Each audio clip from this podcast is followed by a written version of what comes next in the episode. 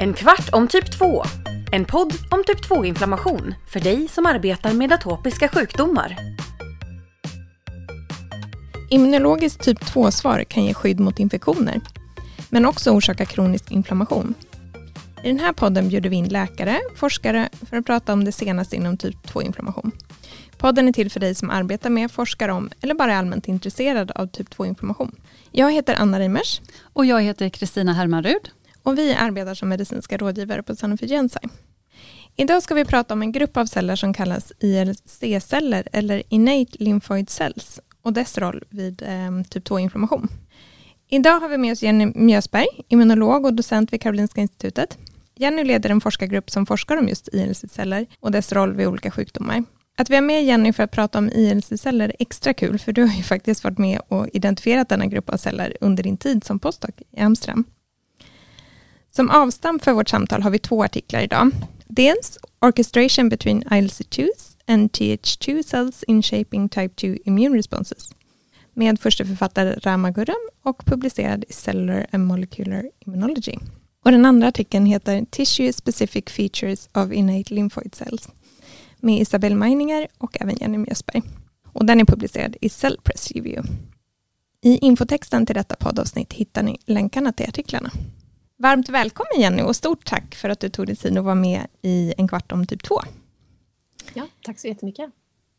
I det första avsnittet så pratade vi generellt om de olika delarna av immunförsvaret som ingår vid typ 2-inflammation. Och idag ska vi fokusera på de här ILC-cellerna.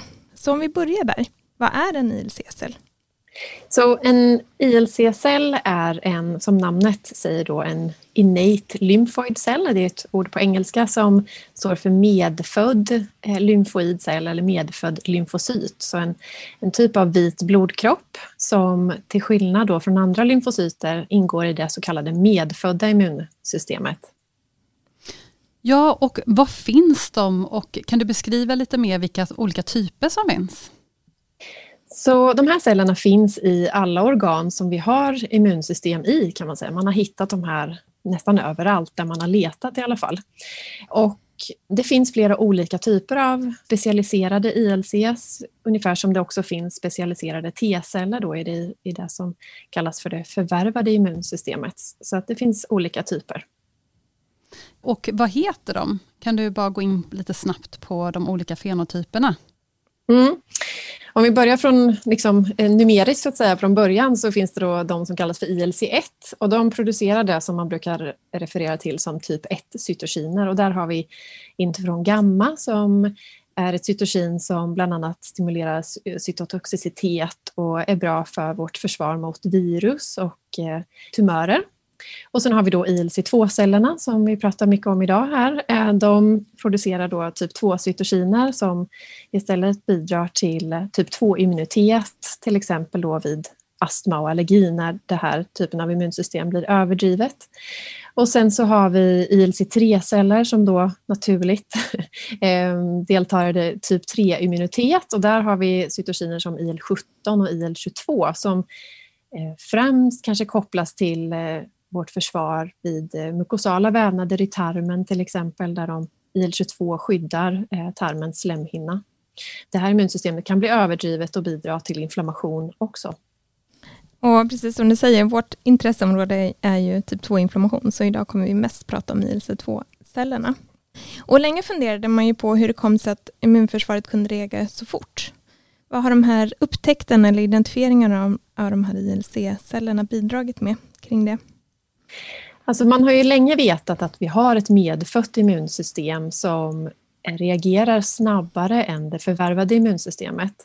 Så det var inte något nytt i den här upptäckten utan det som var nytt när man upptäckte ILC2 eller ILC-cellerna generellt var ju att här hade man en lymfocyt som producerade cytokiner som man typiskt kopplar till det förvärvade immunsystemet som T-celler till exempel. Så här hade vi då en, en källa till, just i fallet med ILC2, en källa typ, till typ 2-cytokiner som normalt produceras av TH2-celler. Där, där källan då producerar de här cytokinerna mycket snabbare än vad T-celler typiskt gör som oftast behöver kanske flera dagar på sig för att komma igång ordentligt vid en immunrespons. Eh, Medan ILC2 då producerar de här cytokinerna mycket snabbare, inom timmar kanske. När vi, tidigare så pratade vi i alla fall väldigt mycket om det här med TH2-svar och, och TH2-immunitet och nu pratar man mer om typ 2-inflammation. Hur skulle du beskriva skillnaden eller vad, vad innefattar de olika begreppen? Just eh, ett TH2-svar handlar ju främst om att det är ett specifikt svar mot ett, ett antigen. Som, alltså T-celler fungerar ju på det sättet att de, de eh, reagerar specifikt på särskilda molekyler. Och vad gäller ILC2-cellerna eller andra celler som ingår då i det medfödda immunsystemet så är ju inte det här nödvändigtvis ett specifikt svar som man ser utan ILC2-cellerna de reagerar på ämnen som produceras när vävnader är stressade eller skadade på något vis. Oftast handlar det om cytokiner eller kemokiner eller andra molekyler som utsöndras från epitelceller i, i slemhinnor. Och då aktiveras de här ILC2-cellerna och eh, man kan säga att de på något vis sätter tonen för det som kommer att hända i det förvärvade immunsystemet senare. Alltså, de kan till exempel eh, bidra till utvecklingen av TH2-celler genom att de producerar IL-4. Det finns ju så väldigt många olika celltyper som bidrar till typ 2-inflammation och då ibland kallar man det här för ett ett franchise, alltså en, en samling av immunceller som alla på sitt unika sätt bidrar till inflammation. Och där är ILC2-cellerna en spelare, men vi har fler celler där. Vi har eosinofiler, basofiler, T-celler, B-celler som alla bidrar på sitt sätt.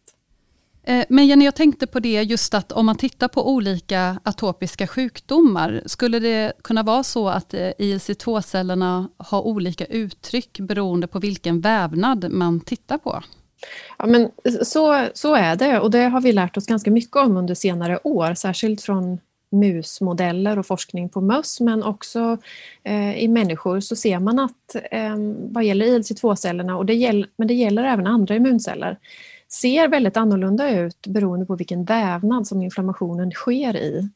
Och det är ju kanske ganska naturligt att det är så men det, är också, det gör också att vi på ett bättre sätt kan förstå vad som sker just i lungan vid astma och att det finns unika mekanismer där. Och eh, vid atopisk dermatit i huden så ser det ut på ett annat sätt och att man på det sättet också kan hitta bättre mål för terapi för då kan man faktiskt liksom hitta mekanismer som då bara finns i lungan och så slår man mot dem och då påverkas inte huden. Eh, till exempel. Så det är, ju, det är både intressant och, och väldigt användbart vad gäller behandling.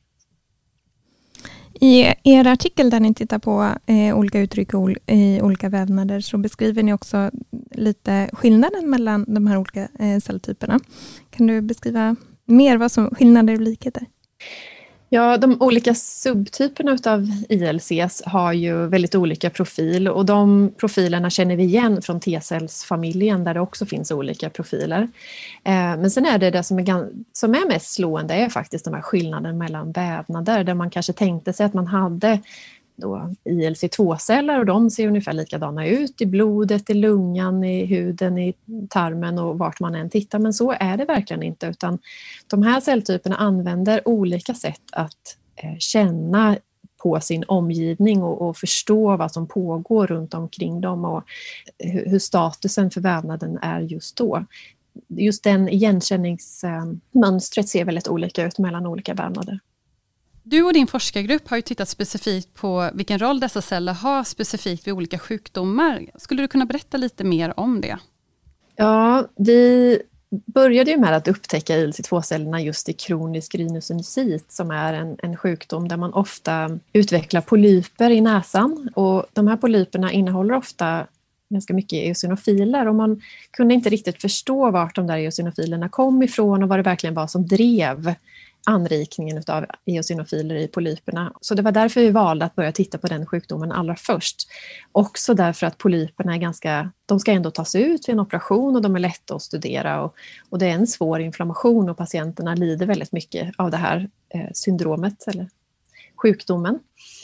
Eh, och då hittade vi just en anrikning av ILC2-celler och de producerar IL-5 och IL-5 är väldigt bra på att attrahera eosinofiler och man, man kan också se att att eh, om man tittar i vävnadssnitt av de här polyperna så, så sitter ILC2-cellerna ofta tillsammans med eosinofiler i polyperna, vilket, vilket också indikerar att de har en kommunikation mellan sig.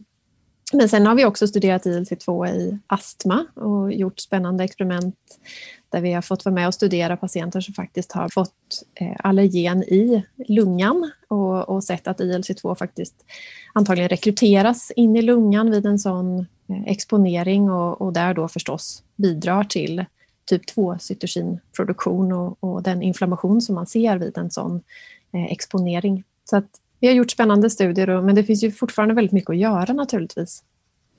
Ja, och det leder oss faktiskt fram till den slutliga frågan. Vad är du nyfiken på i framtiden? Vad vill, vad vill du eh, lära dig mer om? Alltså, just vad gäller ILC2 så finns det ju väldigt mycket grundforskning kvar att göra. Vart sitter de här cellerna i vävnader? Vilka celltyper kommunicerar de med? Både andra immunceller men också det som vi kallar för kanske stödjeceller eller fibroblaster, eh, stroma, epitel eh, Eh, bidrar ju som vi vet också till vävnadsläkning men exakt vilka mekanismer som ligger bakom det förstår man inte jättebra. Vi vet ganska mycket vad som aktiverar ILC2, alltså vad som gör att de bidrar till inflammation men inte riktigt vad som dämpar dem och hur de bidrar till vävnadsläkning. Men sen så finns det också mycket att göra vad gäller mer förståelse av behandling.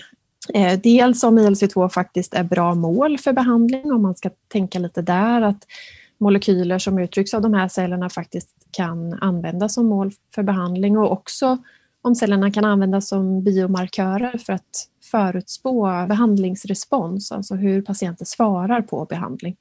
Och då tänker jag främst på kanske de mer moderna och nyligen utvecklade biologiska behandlingarna där vi vet att molekyler som man, man slår mot där faktiskt antingen produceras av ILC2 eller på något annat sätt har med ILC2 att göra. Ja, det hade ju varit väldigt intressant också inom atopisk dermatit, där man faktiskt inte använder sig så mycket av just biomarkörer. Att man kanske skulle kunna ta en hudbiopsi för att följa hur behandlingen eh, slår. Absolut. Det är också så, ILC2 har ju visat sig att de faktiskt är inte helt lika vävnadsresidenta som andra ILCs är. Utan de kan migrera via blodet och det gör att blodprover också kan ha en en, ett värde i det här, att man kan kanske avläsa en ILC2-respons i ett blodprov. Spännande. Ja, verkligen intressant. Jenny, stort tack för att du kunde delta och dela med dig av din kunskap och erfarenhet på det här området. Tack. Tack så mycket. Tack. Tack. Om du önskar återkoppla till oss, hör av dig till en kvart om typ 2 sanofi.com. Adressen finns också i infotexten till avsnittet. Ett tips att du inte missar några av våra avsnitt är att prenumerera på vår podcast. Då får du notiser när nya avsnitt finns publicerade. I nästa avsnitt har vi med oss professor Sven-Erik Dahlén från Karolinska institutet och då diskuterar vi mer om hur typ 2-inflammation är kopplat till astma och nya spännande biomarkörer från en rykande färsk studie. Tack för att ni lyssnade. Tack så mycket. Hej. Hej. Du har lyssnat på en kvart om typ 2, en podd om typ 2-inflammation som produceras av Sanofi Genzyme.